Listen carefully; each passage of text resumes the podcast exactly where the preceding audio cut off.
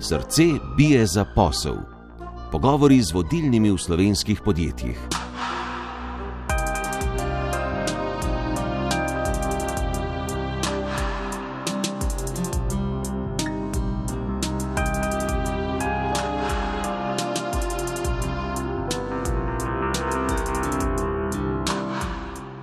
Poslušate nov podcast, ker so novi časi in v njih novi izzivi. Kaj nam o spreminjajočem se svetu povedo tisti, ki se z njim soočajo skozi posel? Kaj jim uspeva, kje jim je morda spodletelo? Kakšen je njihov uvid v razvoj Slovenije? Kako razmišljajo o gospodarskih, družbenih in tehnoloških trendih? Z vami vsak mesec v novem podkastu Maja Derčar in Urška Jereb.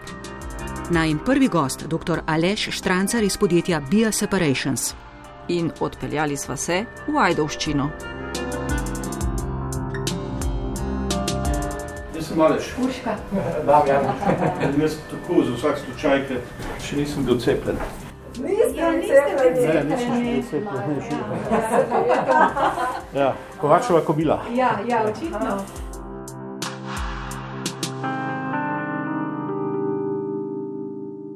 Lepo, da ste nas povabili, gospod Štrancar.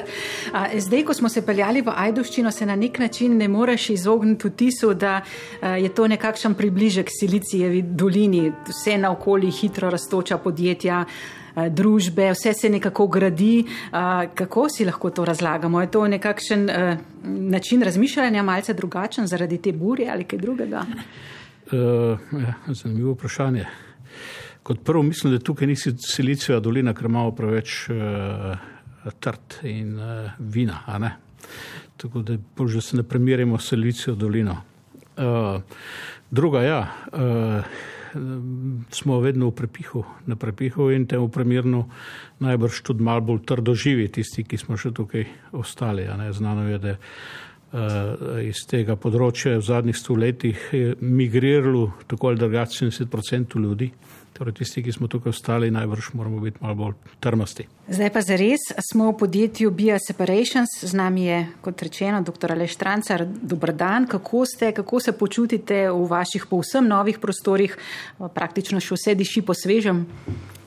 Uh, ja, uredi. Uh, edin ta dež zunaj uh, že mal preseda, drugače pa kar uredi ker so novi prostori, je to neka nova naložba. Je to tista 9 milijonska naložba, o kateri ste v medijih govorili, da ste jo v bistvu sfinancirali iz lastnih sredstev. Zdaj pa še Sartorius nekaj posoje, posoje denarja za naprej, pa tudi tista naložba se končuje. E, tako, to je naložba, ki smo jo sami izpeljali ja. e, in e, gradi se zdaj zraven tukaj še, še dodatna širitev, ki, e, katero pa financira Sartorius. Ja.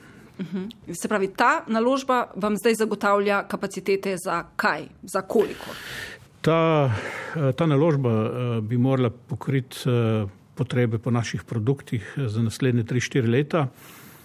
Ta dodatna, ki se zdaj gradi, pa mogoče kje do 5 let, potem pa bo treba verjetno naprej zadeve širiti. Torej, v, v, glede na število projektov, ki jih imamo, In če vzamemo neko povprečje uspešnosti teh projektov v, v kliničnih študijah, bi nekako to zadostovalo do, do enih pet let maksimalno. Torej, nekje čez dve, tri leta bo verjetno potreba zopet nekje nekaj graditi. Že zdaj pa razmišljate o širitvi v ZDA v Italijo? Um, mi smo takrat razmišljali, ja, uh, smo bili že kar delč tudi predvsem v ZDA, ampak zdaj imamo novega lasnika in uh, to je zdaj stvar novega lasnika in tudi odločitev njegovega lastnika, ki bo uh, te proizvodne prostore postavljal. Ko ga ravno omenjate, to je lasnik, nemški lasnik Sartorius. Zdaj, sredi COVID pandemije v Sloveniji je recimo temu izbruhnila novica, da imamo največjo tujo investicijo uh, leta 2020 prav v Ajdovščini in da je kupljena Bio Separations, vaše podjetje. Seveda, uh, Udarila je novica, pravim, zato ker je bilo očem skrito to, kar se je dogajalo morda leto, dve leti prej, ko ste. 25 let. Pe, 25 let od začetka podjetja, ampak od odločitve, da prodate in da prodate temu lasniku med vsemi snupci in zainteresiranimi kupci, celoten proces, ko ste morali razkrivati informacije, odpirati podjetje, je pa trajal malo dlje časa. Je bilo to težko, je bil zalogaj. No, zadeva je pravzaprav začela, ko smo tukaj pristali v prisilni poravnavi leta 2016. Torej, slovensko podjetje je pristalo v prisilni poravnavi zaradi dolga matičnega podjetja oziroma največjega lesnika takrat, Bia Separation Austrija, v višini 3,5 milijona evrov. Torej, problemi avstrijskega podjetja so pluskali tudi sem. In 2016 smo tukaj ostali v prisilni poravnavi in takrat pravzaprav smo iskali možnosti, da to podjetje nekako preživi. Cilj, bom rekel, ključnega, ključnega igralca v Avstriji je bil, da gre tudi to podjetje v stečaj. Imeli so pripravljeno že novo, novo podjetje, ki bo potem nadaljevalo naše aktivnosti hoteli so pravzaprav prenesti vso tehnologijo in, in, eh, in uh, lasništvo uh, nad produkti, nad, nad tudi celotno stavbo se na, na novo podjetje. Uh, tudi v Sloveniji so očitno dobili nekatere uh, pomagače. Torej, ta stvar je bila kar, kar precej časa že, že, že, bom rekel, v igri, nekje od leta 2011-2012. Eh, tako da smo imeli kar velike borbe, eh, da smo uspeli to podjetje obdržati. Eh, prvič zaradi tega, da niso slovenske banke potegnile kratko, slovenske banke bi tukaj izgubile ne 5-6 milijonov evrov. Zaposleni bi potegnili tudi kratko in še vsi ostali upniki. Torej, ko smo šli v prisilno poravnavo, je bil nas cilj, da poplačamo vse banke, vse upnike. Banke smo več ali manj poplačali, mislim, da še na dve rati. Eh, poplačali smo jih 100% plus 1% brezno miro. Eh, navadne upnike smo poplačali 80%, kljub temu, da sem jih hotel poplačati 100%, pa potem uh, ti, ki so delili ta vrednotenja, nekako niso hoteli pristati, ker potem so rekli, zakaj prisilna poravnava, če bomo vse 100% poplačali. Ampak ja, uh, prisilna poravnava ni bila zaradi slabega dela slovenskega podjetja, ampak zaradi 3,5 milijone dolga avstrijskega podjetja slovenskemu podjetju.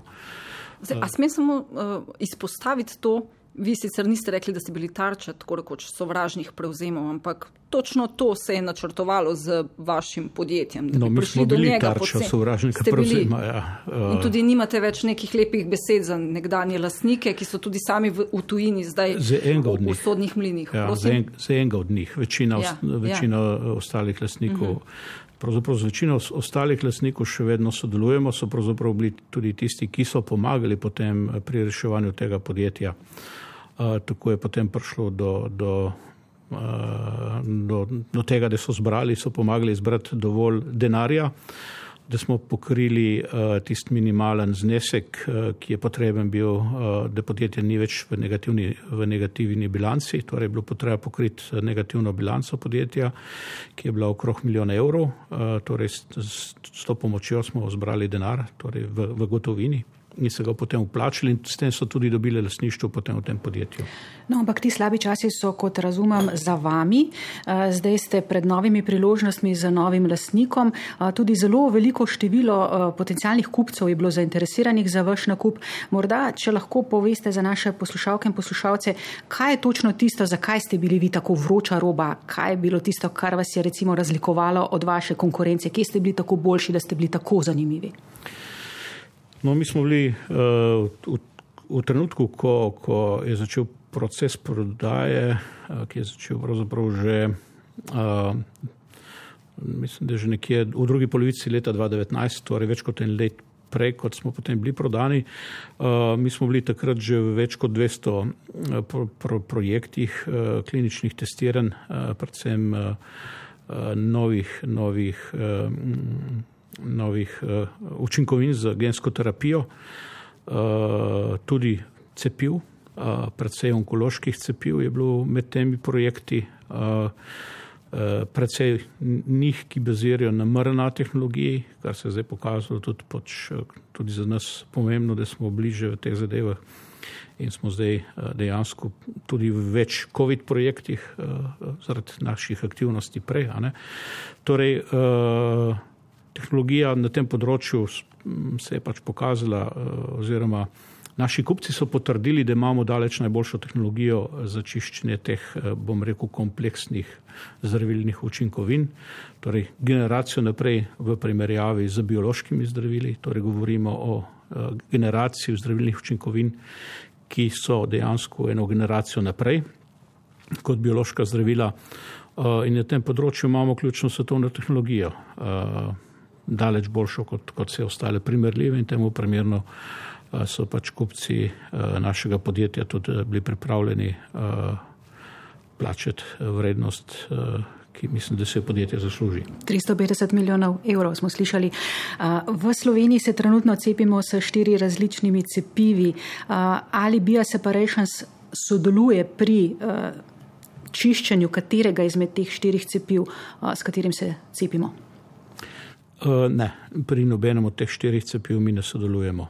Sodelujemo pa v nekih projektih, ki pa so cepijo na trgu, ampak se v Sloveniji ne prodajajo.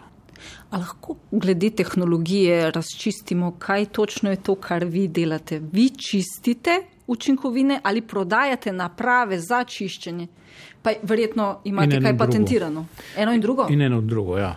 ja. Torej, osnova vseh naših uh, tehnologij so ti naši, recimo, inteligentni filtri, uh, tako poenostavljeno, ki so sposobni uh, zelo dobro očistiti te, te Eh, učinkovine novih generacij, ki bazirajo ali na mrna tehnologiji, plazmini DNA tehnologiji ali eh, na tehnologijah virusnih delcev.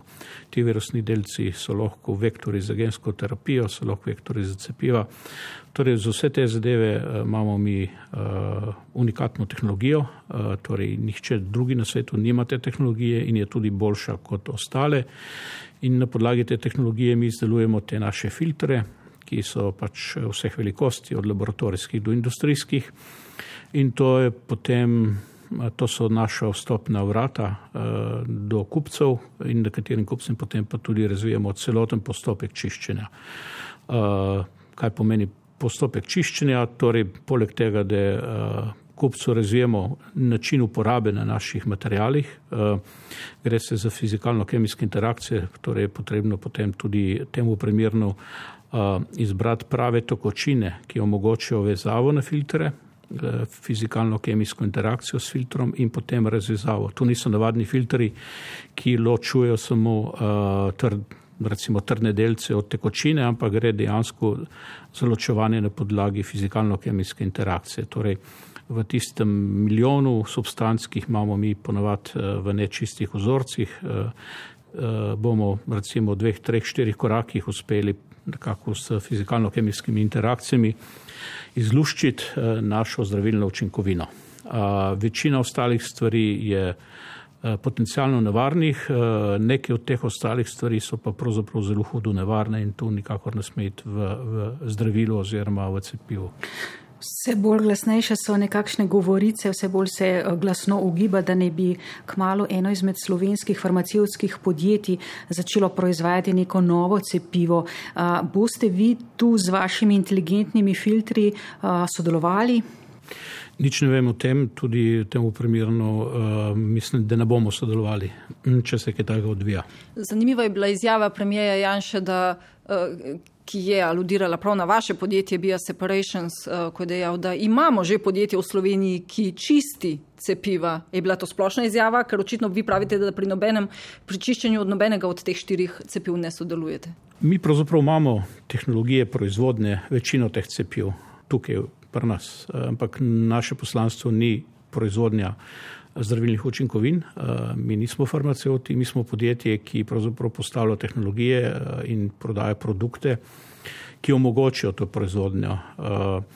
Torej, mi v tem trenutku postavljamo proizvodnjo mrna cepiv v Aziji od A do Ž, popolnoma. Torej, nekomu postavimo pravzaprav celoten obrat proizvodnje.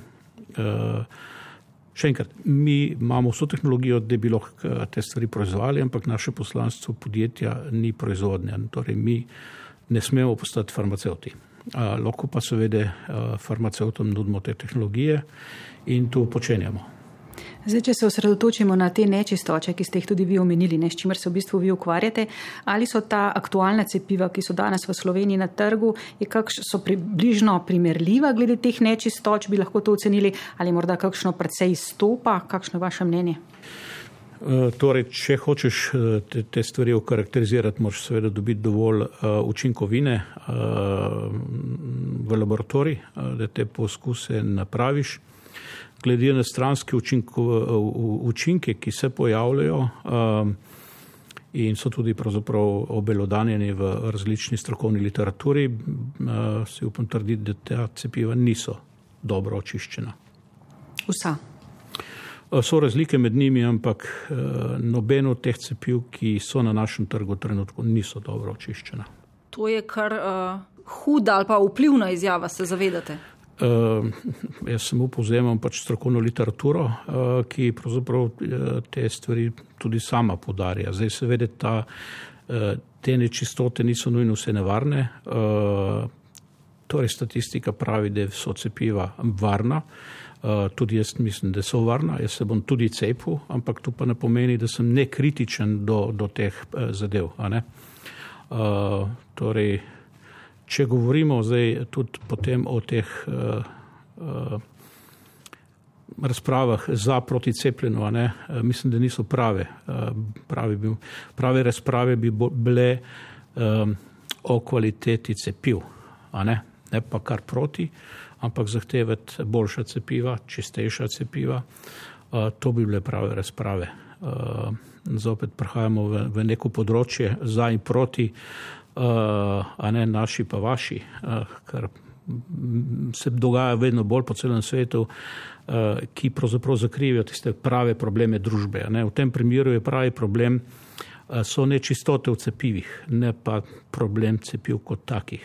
Še enkrat podarjam, jaz se bom cepil z enem od teh štirih cepiv in uh, če 14 dni, morali bi ta teden dobiti, pa glede na zdaj neke zopet eh, probleme gospodarskih družb, eh, mi smo želeli tu pač se piv narediti v podjetju, pa zdaj zopet eh, prišlo do tega, da moramo zopet čakati, da ne bi nekdo kršil ne vem koga. Ne.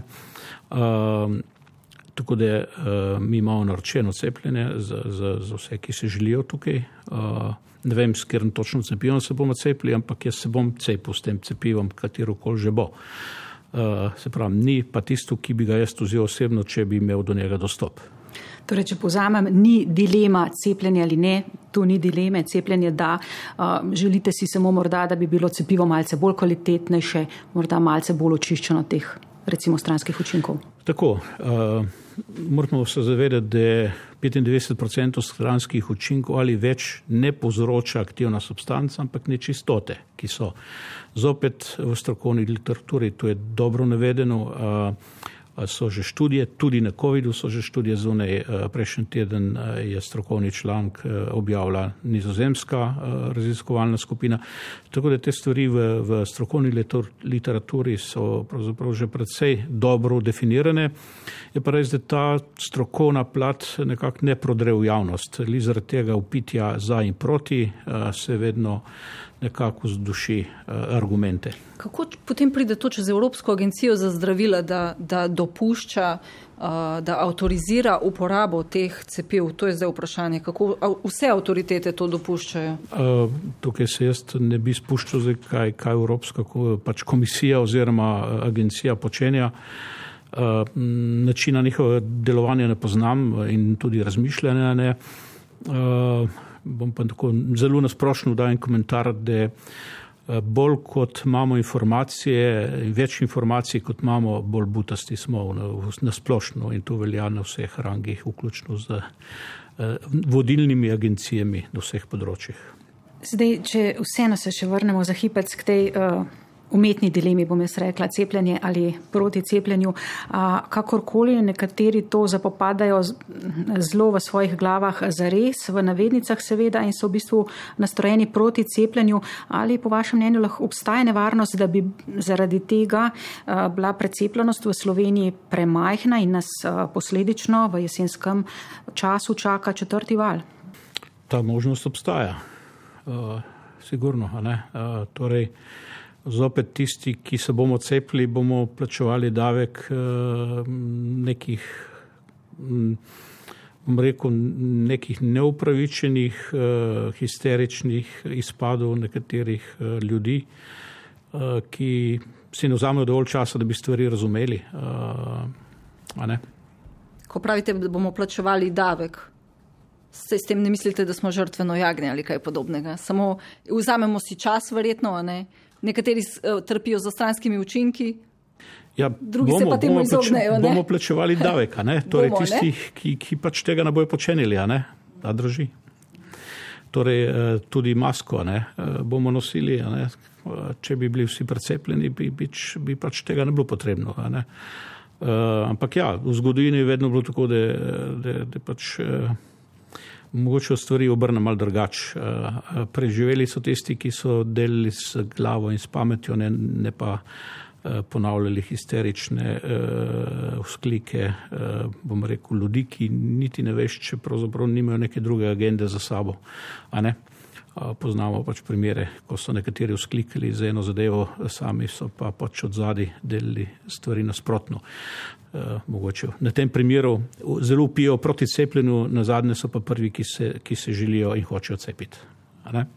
Ampak seveda tega ne pokažejo v javnosti, da so cepili. Torej, izkoriščajo tudi cepljenje za neke druge politike.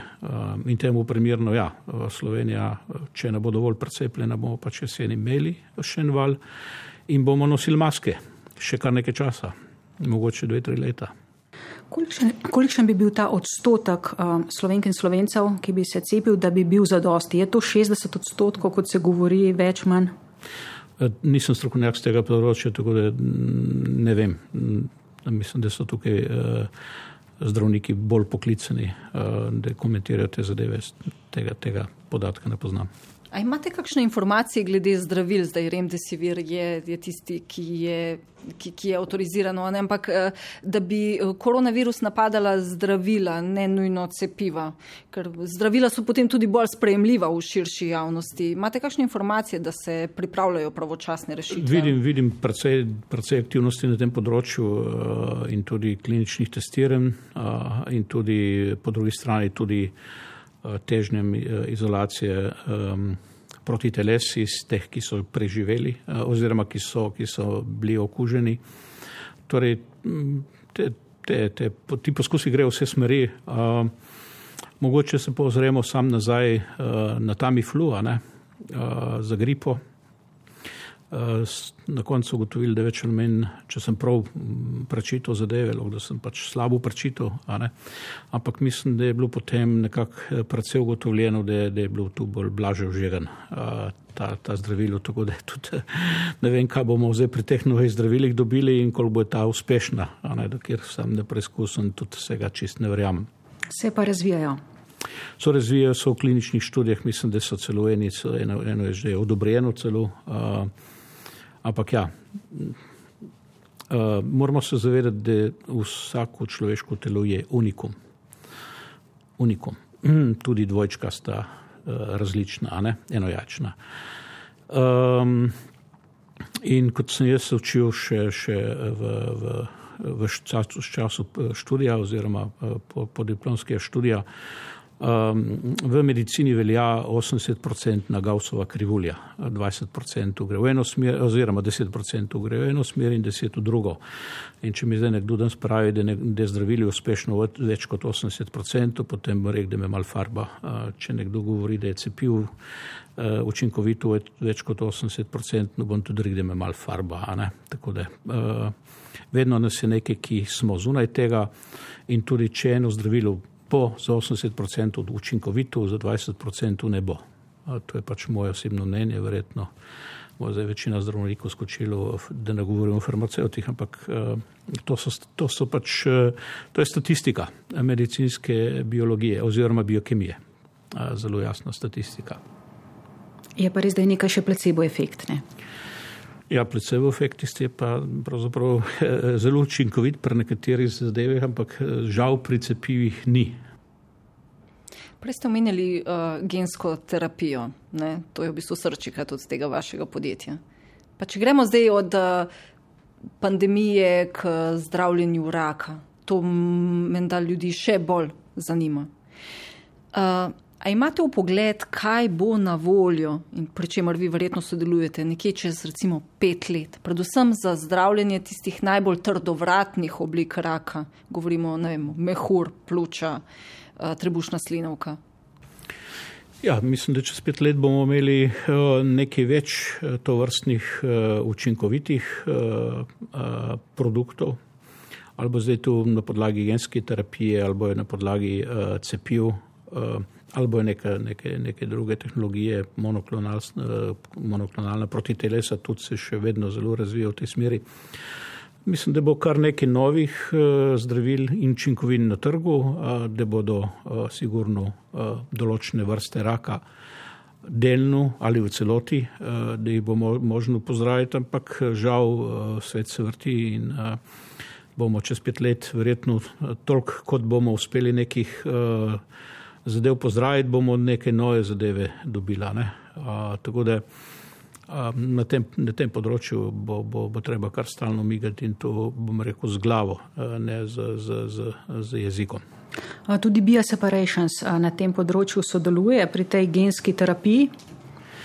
Ja, pri genski terapiji tu je pravzaprav naš glavni fokus. Večina naših uh, projektu oziroma pro, produktu naše stranke v kliničnih študijah je genska terapija. Torej, uh, od najbolj, bom rekel, smrtonosnih okvar genov do uh, mal manj problematičnih. Uh, naše stranke razvijajo tako gensko terapijo za, za neke mišične distrofije, uh, do tudi slepote, gluhote, torej tudi na tem področju se ogromno dela in prvi uspehi so že uh, vidni. Torej, uh, podjetja, s katerimi sodelujemo, prihajajo do, do, do izboljšanja, vsaj delno nekaj časa vida oziroma povrnitve vida.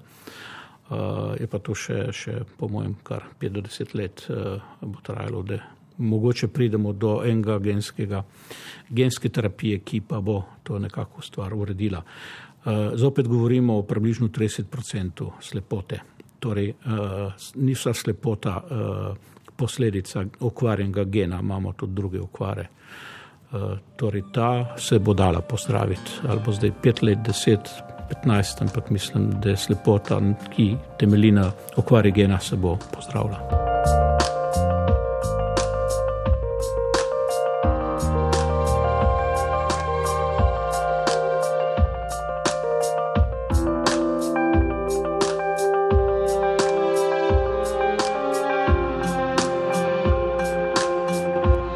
Gremo lahko kar na vprašanje, ki se tičejo posla.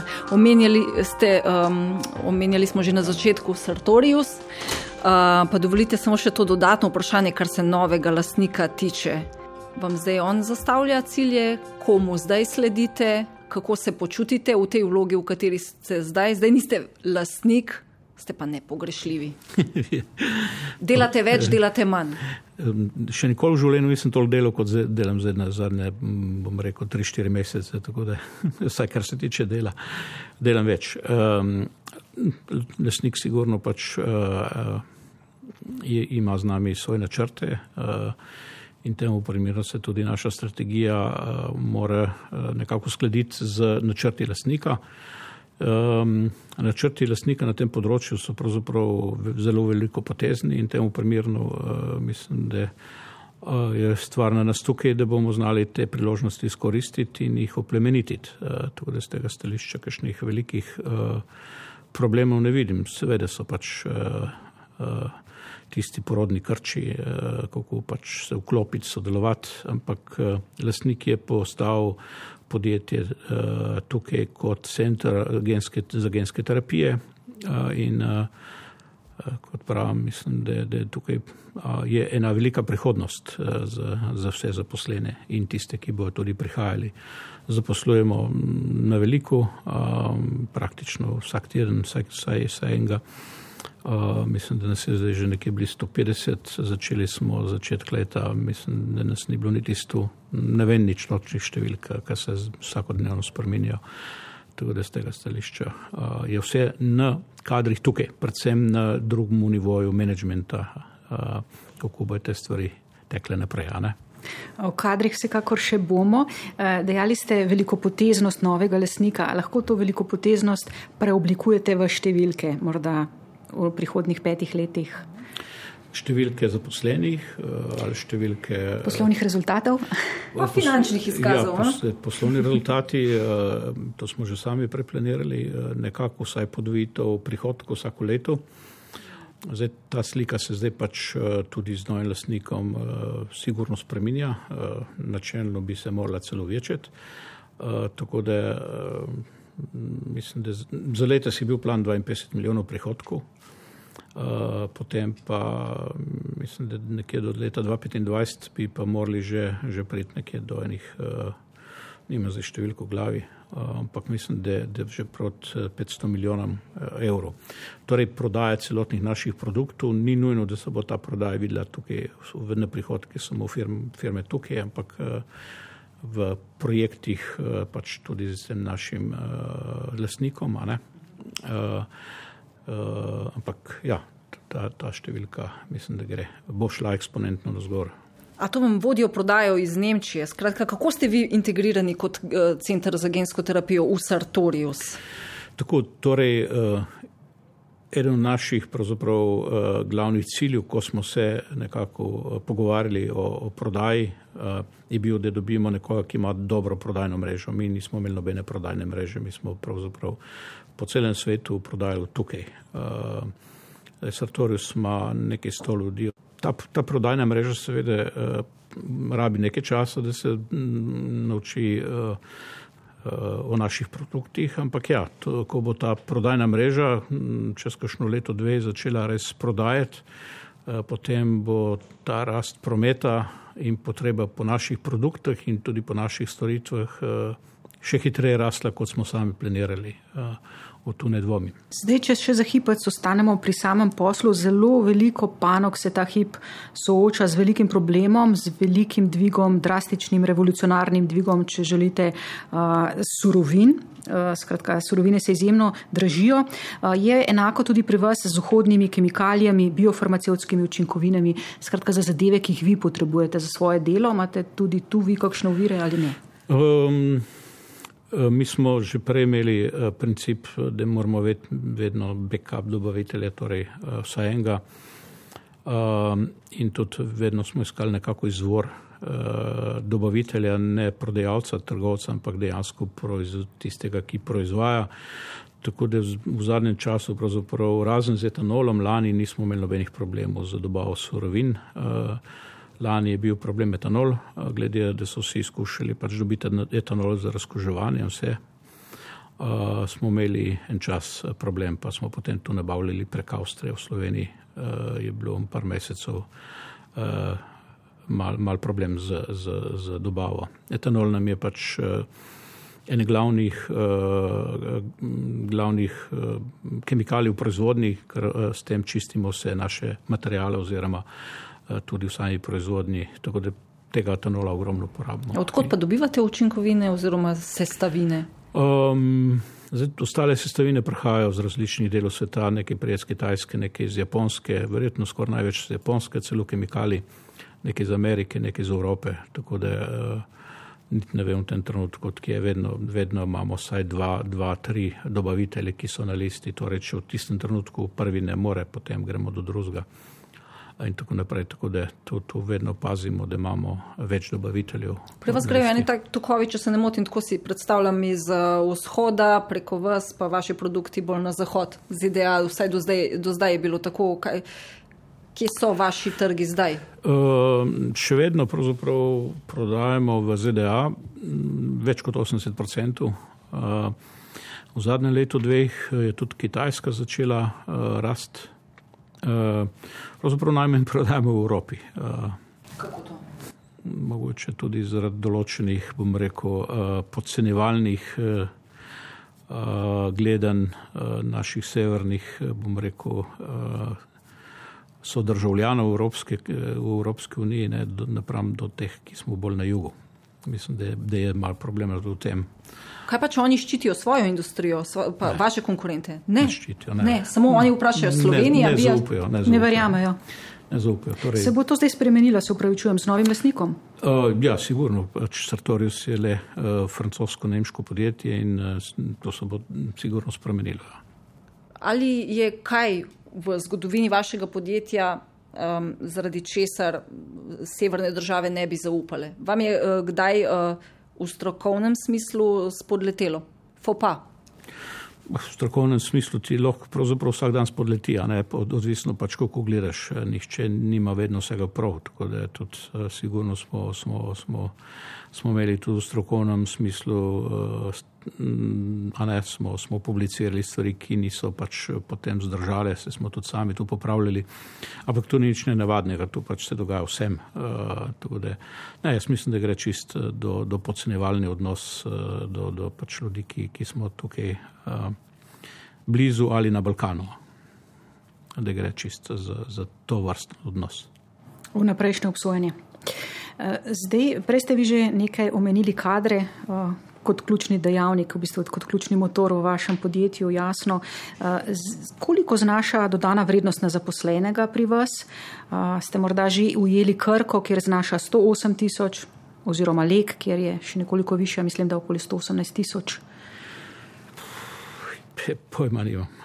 Nikoli nisem teh stvari primerjal, tako da eh, ne vem. Ne vem. Uh, mislim, da je visok, ampak zdaj ali 108 ali 180. Ali Skratka, je okrog 80. 100 tisoč. Ne, Ne Je vem, dva- ne vem, nič ne vem. Nisem, nimam, nimam ni- niti občutka nimam o tem. Dobro plačujete svoje zaposlene.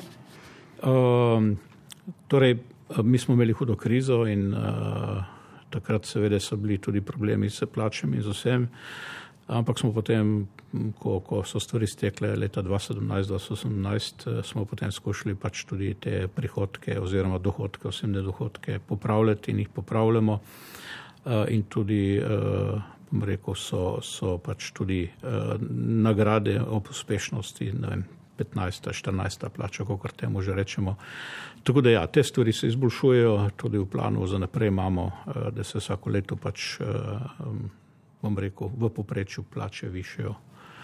Eh, In tudi tu ne sme biti noben problem. Podjetje dobro posluje, eh, eh, bom rekel, dodana vrednost je izjemno visoka, tako da z tega stališča bodo stvari šle tudi za zaposlene na boljše.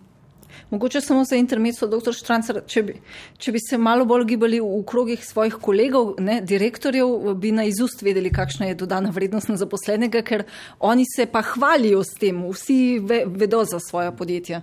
Vas pa ne opažamo veliko na dogodkih, na druženjih, na, ste v glavnem eh, kaj 12-14 ur na polno zaposleni v podjetju. Ja, mislim, da zdaj pa lahko rečem, da je vsaj 12 ur pa kar v poprečju, pa ne sam pet dni, ampak včasih tudi ta šesti dan, pa polovico ta sedmega. Kaj pa rečejo doma? Ja, Prebrali smo, da ste oče petih ja, otrok. Včasih je kar, kar eh, pestro doma zaradi tega. Ja. Ste pa tudi, če gremo nazaj na kadre, lovec na talente, slišimo. Torej, sigurno zelo, uh, mislim, sigurno pri nas velja uh, vedno, da pač. Uh, Če odkrijemo, dobrega, če odkrijemo dober kader, ga zaposlimo, tudi če ga v tem trenutku ne rabimo. Ja, rok sekirnik, kam spada on med najboljši kader možen? Kako ste dobili roka sekirnika? No, prvo nas je on poiskal, potem je pa šel zaradi naših eh, problemov z, z, eh, z mm, financami, a ne 2016, 2015. Ampak ja, eh, so bila kar stalno v stiku in eh, sem ga vabil nazaj in nekako mi je le uspelo potem ga dobiti nazaj. Torej, z 1. januarjem je prišel nazaj. In kaj si obetate od njega? On je zdaj glavni pri teh raziskavah. Ja, MRNA. v njega si seveda obetam, da bo pač na svojem področju in uh, njegov področje je pravzaprav MRNA pa PDNA, uh, da bo na tem področju uh, uspel čim več projektov spraviti do strank in tudi čim več naših produktov spraviti v proizvodne linije uh, naših kupcev. A to pomaga, da je Sartorius novi lasnik? To pomaga, da tudi drugi vam zaupajo, da bodo tu bolj dolgoročno zaposleni? Tu- Ali, aha. ali bo Sartorius zvišal plače? Um, hm, dobro vprašanje, pa se mislim, da jaz na to žal nima odgovora. ne. Da se bo treba kar boriti uh, vedno uh, za vse, tako kot pač v življenju, nič ne pade z neba samo. Um, ja, torej vprašanje je bilo, kaj, kaj zdaj pomeni. Ko je Sartorius nov lastnik, kaj to pomeni za tiste, ki bi se radi zaposlili v podjetju? Zdaj bolj uh, z gotovostjo gledajo na vas, uh, ker ste stabilni. Ne? No, sigurno je, je, je ta, ta občutek varnosti pod Sartoriusom nekaj čist drugega kot pod Bioseparation, ki je pravzaprav dobro splavila iz presilne poravnave. Um, še bolj pa pomenilo to za naše kupce. Mi smo ogromno posla zgubili in projektuli zaradi tega, ker pač naši kupci niso verjeli, da bomo ostali na trgu še naslednjih 20-30 let. Uh, moramo se zavedati, ko kupec registrira svoje zdravilo uh, na podlagi čiščenja z našo tehnologijo, z našimi produkti, potem je obsojen, uh, da ujemlje te produkte pri nas. In če tega ni, potem mora pravzaprav ustaviti svojo proizvodnjo, ponoviti del klinične faze 3 kar ga stane nekaj 10 do nekaj 100 milijonov evrov in 2 do 3 leta, ko je strga. Torej, um, da si lahko zamislimo, kakšno barijero smo morali mi kot podjetje uh, prebiti, da smo sploh prišli do tega projekta. In tudi prvi tak projekt, ki smo ga potem dobili, hm, ki je šel potem v industrijo, je, uh, je temeljil na, na, ne na pogodbi, ne na papirju, ampak na, bom rekel, mož besedi trije glavni od eh, podjetja, s kateri smo naredili prvi tak industrijski posel, so me lepo eh, sred večerje obkolili eh, pod eno lipo in so rekli, da moram dati pač jaz osebno zavezo, da ta produkt bo še naslednje 20-30 let proizveden, ne glede v katerem podjetju. Seveda se jaz to, ni, da se razumemo, ni bilo to noben veseljevanje, ampak hoteli so mojo, bom rekel, uh, mož besedo, uh, da se bo maksimalno potrudil, da to bo tako in to sem dal in potem naslednji dan smo šli v registracijo oziroma so šli v registracijo svojega zdravila z našim materialom. In to se je ponovilo še nekajkrat tako. Z drugimi strankami.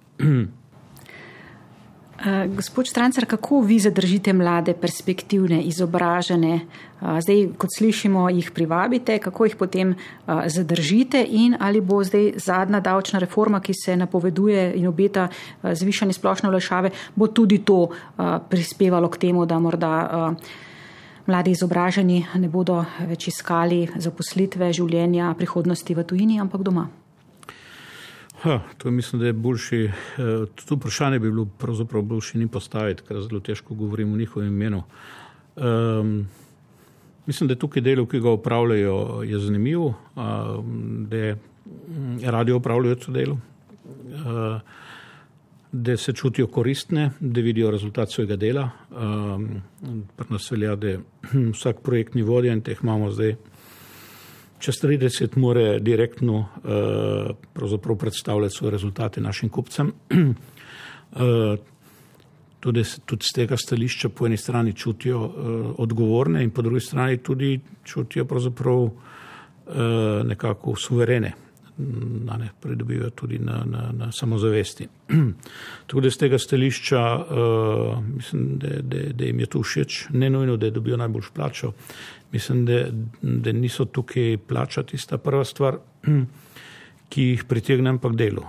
Delo je dejansko zanimivo, vsak dan se nekaj dogaja, delamo z ogromnimi strankami po svetu, stvar je odprta, odprta komunikacija. Tako da vidijo, da podjetje raste, da je pomembno, da je tudi z tega stališča referenca, da nekdo dela pri nas nekaj let, je referenca s katero grejo kamorkoli na svetu, tudi na Harvard ali pa kaj pa vem, na MIT. Uh, eh, tako da je tu, mislim, da je tisto glavno, kar jih uh, privleče. Kar se tiče davčne reforme, um, bom rekel, 20 let nazaj uh, sem bil zelo aktiven v nekaterih svetih, takih in drugačnih, uh, in glede raziskovalne politike in vsega. Uh, in zdaj bi lahko rekel edino stvar, ki bi rekel. Uh, Če takrat ne bi nič spremenili, pa ni bilo dobro, ne? Eh, bi bilo boljš kot zdaj, ker se stalno nekaj spremenja. Torej, žal me izkušnje učijo, da grejo stvari samo na slabši. Uh, tako da ne vem, ne spremljam davčne politike, uh, me pravzaprav tudi kaj dosti ne zanima. Uh, mi moramo pač delati tukaj, uh, teč hitreje kot vsi ostali in uh, če bomo boljši kot, kot je naša okolica, se bojo verjetno vsi ostali okrog nas uh, že bistveno prej uh, uprli, uh, kot se bomo mi. Da, Uh, ukvarjanje z državnimi birokrati je na mojem uh, spisku, bom rekel, ga ni več, sem ga črtal, uh, s tem se ne ukvarjam več. Ti ljudje so izgubili uh, vsak stik z realnostjo. Uh, že v slovenski birokraciji, ko gremo v Bruselj, je pa sploh katastrofa. Tam je pa. Uh, mislim, Se pravi, utrujeni ste od slovenskih birokratov. Predstavljam si, da morate biti zelo utrujeni od prejšnjih avstrijskih lasnikov in od tega, kako so vas pehali v prisilno poravnavo. Zdaj ste tako rekoč skoraj da morate biti utrujeni, ker sartorijo s vas sili, da delate še več, tri mesece, štiri mesece, zdaj še več od, od prej. Kako zmorete? Nisem rekel, da sem utrujen, sem delam. uh, Ne, ne zgledate utrujeni, ja, ampak ja, večino, veliko stvari ja, je. Ki... Ja, v povprečju imam tako 4 ure na dan seminarjev za naše kupce. To je pravzaprav tisto, kar je največ časa. Ne? In tu večinoma je tu bolj po podanskem času, ker so v glavnem v Ameriki. Uh, nič, jaz tu delam, uh, um, tudi uh, pač potem pošlušam vprašanja. Eh, kupcu in pač poskušam pomagati. Torej, tu mi je veselje, mi, mi ni v neki. Je pa res, ko, ko si enkrat 12-13 ur, uh, od časi do minute natančno našponana, ne, je potem. Uh, Pogovor v podkastu, prava sprostitev. tako, tako, tako. Zdaj, prej ste omenili 30 produktnih vodij, imate, so to, če si prav predstavljate podjetij. Tako. A so to vsi doktori znanosti, oziroma ne. koliko imate doktorjev znanosti? Recimo? Tu, tu ne vem. Ja. Tu sem nehal štet, zaradi tega, ker tu, tu ni tista, bom rekel, stvar, ki, ki je nujno odločujoča. Uh, imamo odlične, uh, ki zdaj po bolonski študiji, ki, ki imajo pač magisterij, pa so odlični. Uh, bi komot lahko tudi doktorat dobili. Uh, imel sem pa na razgovor ljudi, ki imajo doktorat, uh, ki jaz, jaz tim niti diplome ne bi dal. Ne, tako da uh, to doktoriranje je zaradi tega, ker je to doktoriranje, uh, je vse skupaj izrodilo. Jaz sem bil druga generacija mladih raziskovalcev in poznam pač uh, kolege, ki so bili malček starejši kot jaz, pa so po starem pač doktorirali. Uh, takrat so morali nekaj pokazati že v času študija. Nekdo, ki je dve, tri leta pauziral, je zelo težko pač sploh prišel do tega, da bi ga vzeli v doktorski študij. Če ni imel nekih odlik, neke inteligence, ne, ni prišel do tega. Danes mislim, da vzame vsega sam, da se odloči, da za to gre, če le dobijo denar. In potem so vedeli, ko, ko, ko enkrat nekdo dobi denar, mora to končati, ker če ne treba denar vračati. Uh, en kolega, profesor, je celo tako rekel, uh, tehnika na univerzi ne dobim, mladega raziskovalca dobim, Torej, vzamem mladega raziskovalca, bo delal kot tehnik, nekako bomo že tisto naredili, bo potem tisto, tisto doktorat uh, skupaj spravil. Ampak to je edini način, da jaz nekoga dobim za laboratorij, tako da se potem spraša človek o politiki. Aha, kako pa potem uh, preberete mladega človeka in na podlagi česa ga izberete, da veste, da je pravšnji za Bija Separations, da ni da ne krpa lukne v svojem življenju ja. s tem, da se prijavlja za razpise. Tu, tu delamo vedno skupaj. Najprej se naredi nek oži zbor, potem v tem ožjem zboru eh, naredimo še oži zbor na podlagi razgovora in potem grejo kandidati eh, za en dan v laboratorij. Eh, in potem dobimo še vtise od kolegov ki bodo s njim ali z njo delali. Tako da eh, je tukaj izbor, bom rekel, kar. Uh, Se pravi, če bi snimali reality show v, v takšnem vašem laboratoriju, bi bilo kar eh, nekaj za videti. Ne? Uh, bi bil žanr. reality show. Ja. uh, reality show in podobne neumnosti. Ne, tukaj te stvari so pri nas zelo resne. Ne, želimo, da ko kandidat pride, ne samo, da smo mi z njim zadovoljni, ampak da tudi on ve, v kaj se spušča. Zato želimo, da vedno uh, si vzame dan pri nas in vsakeč tudi povemo, da je vedno eh, stvar obojstranska, da tudi kandidat mora razmisliti, če mu delo tukaj ustreza. Ne želimo potem tistih šest mesecev izrabljati, eh, ne, nedoločen čas, šest mesečno poskusno, da je potem po šestih mesecih se rešili. Eh, čas našim od kandidata je pač vreden in zato te stvari raj prekinemo po tem dnevu, kot da bi potem te stvari vlekli. Tako da mislim, da v zadnjih petih letih mislim, da smo samo eh, enega kandidata po šestih mesecih odklonili in uh, nekaj pa smo jih potem, potem od dneva pa smo jih ne, kar nekaj odklonili. Tako da uh, več ljudi skupaj, uh, ne, pa potem nekako odločimo, bo kandidat pravi ali ne bo in ponovadi uh, se dobro odločimo. Ne zaupamo pa tem, tem torej včasih smo imeli te razno razne službe za, za vrednotenje mm, na psiholoških testih, kaj pa vem, to smo ukinili, tega pa nas več ni prepovedano. Zato, ker tudi ti testi včasih te popolnoma zanesejo v eno ali drugo stran, smo potem na podlagi tega dobili kandidate, ki so bili popolnoma neprimerni. Po drugi strani smo pa zgubili par kandidatov, ki so se potem kasneje, ki so potem prišli naslednjič na razgovor, pa več teh nismo imeli, teh testov so se izkazali kot zelo dobri. Tako da, bom rekel, en pristen človeški odnos je še vedno najboljši pokazatelj, a, kako se lahko jamemo. Vsi te psihološki testi so pa. Ja, niso koristno sito za, za vaše podjetje. Za naše podjetje. Niso. Vas pa ne preseneča, da so zelo, zelo popularni in pogosti povsod, predvsem v teh podjetjih, ki nima ravno ja, pač takšnega slovesa kot vaše. Kultura ampak... podjetja, ne v našem ja, ja, ja. podjetju, je tudi saj do zdaj uh, bilo tudi nekako nezaželjeno, oziroma bomo rekli celo prepovedano, uh, da bi prišel nekdo z MBA izobrazbo. Ne? Master Business Administration, kar se tudi uh, več ali manj si zelo hvalijo s tem. Ampak uh, te izobrazbe uh, nimajo pravzaprav uh, cilja narediti nekaj uspet in ljudi Eh, pravzaprav, bom rekel, človeško obravnavati, ampak uporabljajo določene metode, ki niso človeške. Ja, moč, močna izjava. Um, želela bi samo, da se dotaknemo še mogoče dveh področji, vlaganje v raziskave in razvoj.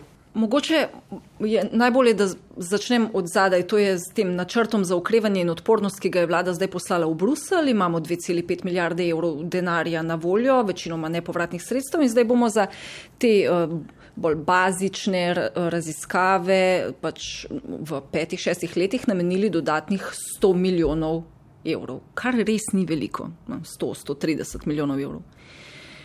Ali Slovenija s tem, ko daje vsako leto pol procenta BDP-ja za raziskave in razvoj iz javnega denarja, 1,5 procenta BDP-ja gre sicer iz zasebnih sredstev, iz eh, podjetij, kakršno je tudi vaše. Ali je to dovolj? A gremo v pravo smer ali ne gremo? Sprašujem vas zato, ker ste primarno znanstvenik. Um, hm. Ko, koliko pa vi vložite v Bio Separations? Ta stvar, pravzaprav mislim, da bi kar rabila eno, eno mal daljšo uh, razpravo. Včasih je ta denar lahko celo kontraproduktiven. Uh, torej, politike vlade ne poznam, tudi se ne ukvarjam več, kot sem povedal, sem si sam sebe obljubil, da se s tem več ne bom ukvarjal. Včasih slišimo o nekih norih denarjih, ki gredo nekam, pa potem z tega nič ni. Uh, poslušam zgodbe, da smo odkrili cepivo za gripo že več kot deset let nazaj, pa univerzalno cepivo za raka, ne osem, osem let nazaj. Uh, in potem vidim, da ista skupina zopet dobi ogromna sredstva. Um, tukaj se sprašujem, ali nihče ne prečita uh, izjav določenih vodilnih raziskovalcev, stari deset let, kaj so izjavili, kaj so že dosegli, in ne vidi, da nobenega produkta na trgu ni. Z tega cepiva za gripo ne vidim, cepiva za raka tudi ne vidim, pa kaj pa vem, še vse je bilo, uh, še vse je bilo omenjeno. In vedno vidim iste ljudi, ki potem uh, nekako te denarje pridobijo, ampak rezultatov ni. Uh, da, jaz mislim, da za take skupine je še teh 100 milijonov preveč. Uh, drugo je pa seveda potem, če je to dovolj za skupine, ki pa so sposobne in ki bi bile sposobne nek narediti, potem bom rekel ne. ne. Ampak kako zdaj te skupine v, v, v Sloveniji najti, kjer je pravzaprav ta raziskovalna sfera zelo prepletena, zelo zaprta sfera, če nisi nekako zdraven in se ne pokoriš določenim njihovim politikam, potem te izločijo, ne, tako kot so mene, hvala Bogu, sem jim večno hvaležen za to.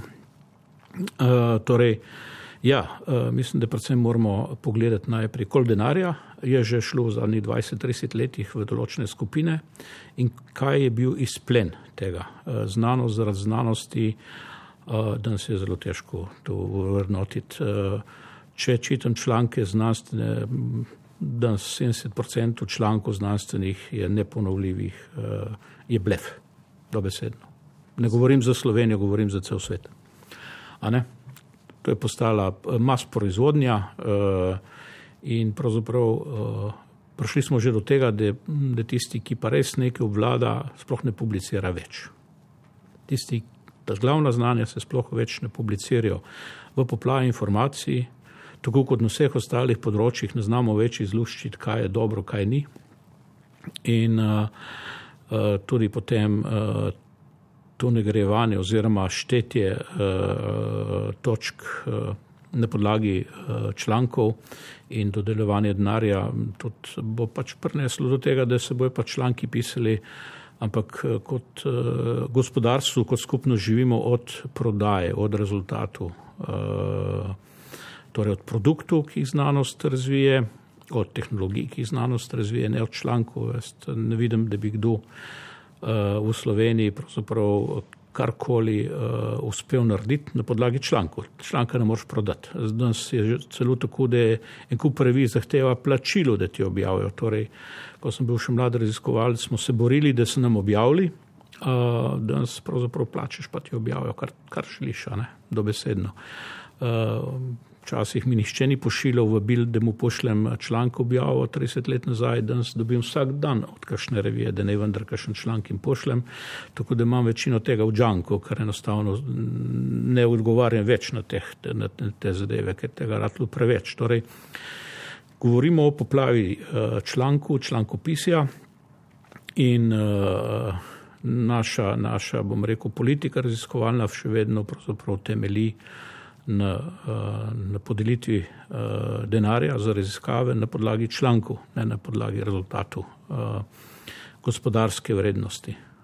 Torej, če hočeš nekaj tukaj v Sloveniji narediti, potem ne, moraš iti ven, moraš, mislim ven, ali v tujino, ali pa v podjetje, ne tam se dela danes pravzaprav prava znanost, ki prenaša produkte, visoko vrednostne produkte. Torej, eh, Slovenija bo seveda uspešna, če bo pač izvažala visoko vrednostne produkte. Eh, po drugi strani pa tako teh 100 milijonov res ni dost. Eh, ampak jaz v tem trenutku lahko kličem na nekaj skladov, kjer lahko zberem 10 milijard denarja za kvalitetne raziskave. V tem trenutku. Ne sem tu. Prosijo me, da jim pač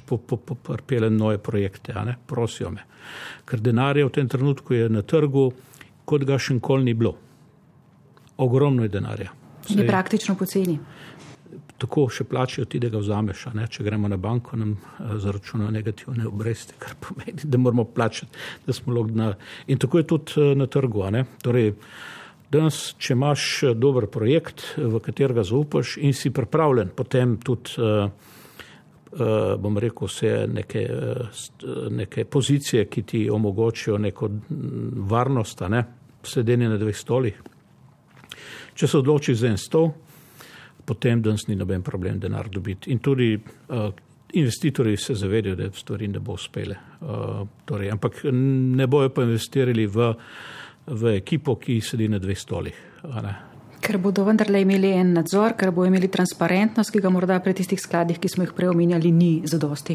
Tako, pa tudi predvsem tega vedli bodo, da tisti, ki so se na to pot spustili, bojo pač uh, se maksimalno potrudili, da uspejo, ker uh, drugega stolčka več ni. Če pa sediš na dveh stolih, potem pa skušaš na obeh stolih uh, nekaj pridobiti, nikoli v življenju ne uspeš narediti nekaj konkretnega. Uh, ne? Potem se boriš za, za, za članek, se boriš za denar na ministrstvu. Uh, ti, ti zdaj razpisi so, kaj zahtevajo, pa se to je norost. Torej, priprava projekta, ki ima 50-100 strani, ki itak ne moreš pripraviti projekta razvojnega, da bi ga opisal. Torej, projekt Eh, torej zahteve Brusla in, in Slovenije, a ne še bolj papeške kot Brusel, so take, da moraš pravzaprav ti projekt imeti narejen, če hočeš prav pravilno spisati projekt. Torej, vsi potem bleferijo, ko pišejo te projekte in jasno, da nič ni narejeno in tisti, ki potem projekte delijo, ne znajo tega kontrolirati. To imamo en začaran krok. Torej, edina, edina rešitev tukaj je enostavno vzpostavitev paralelnega sistema, kjer se pač uh, skušaš uh, investirati v, v kadre, ki so sposobni uh, stvari udejaniti. Uh, pa ne v članku, ampak v produktu, tehnologiji, nekaj, kar pač bo delalo in funkcioniralo, ne, ne pa v besedah. In tega v Sloveniji ogromno in uh, se nastajajo projekti, ki so pravzaprav, uh, ki niso financirali stvari države, celo uh, v projekte, v katere mi vstopamo, uh, torej m, tisti, ki smo iz te prodaje tudi neki stržli, ne, uh, vstopamo v nove projekte in tudi financiramo nove projekte in neki projekt v Sloveniji tudi že teče, ampak vsi ti projekti imajo prepovedano iti na razpise eh, slovenske ali bruselske mhm. države. A ste vi angelski investitor?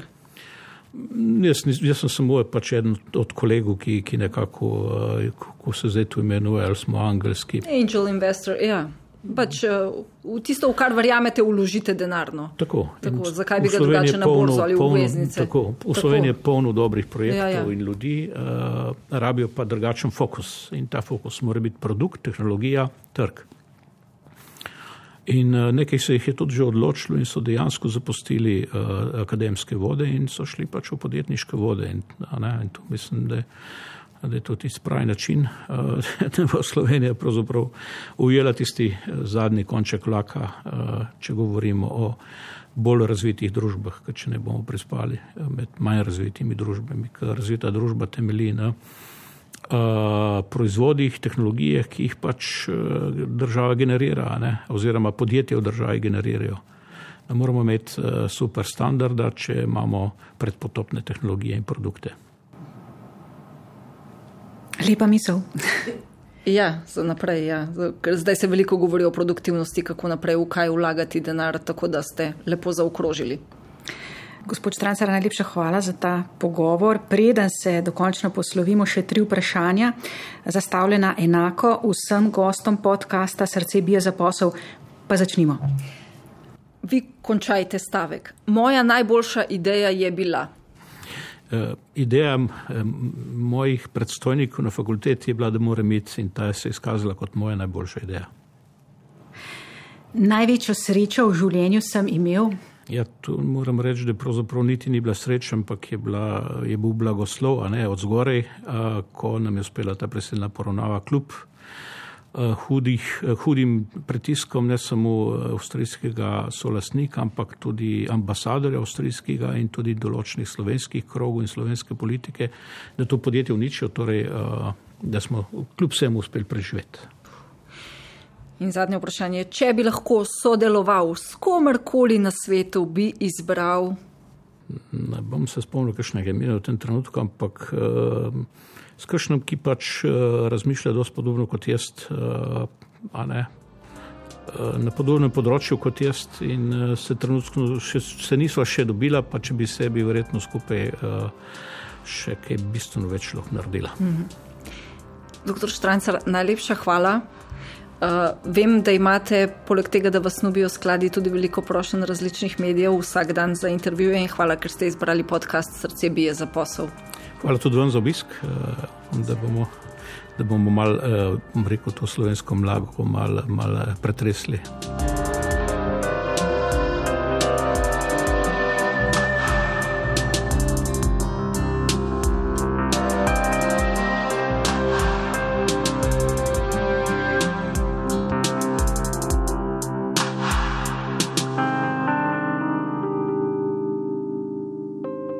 Podcast Srce bije za posel pripravljava Maja Derčar in Urška Jereb, tehnik Damjan Rosten, glasba Rudi Pančur, urednik Aleš Kocjan.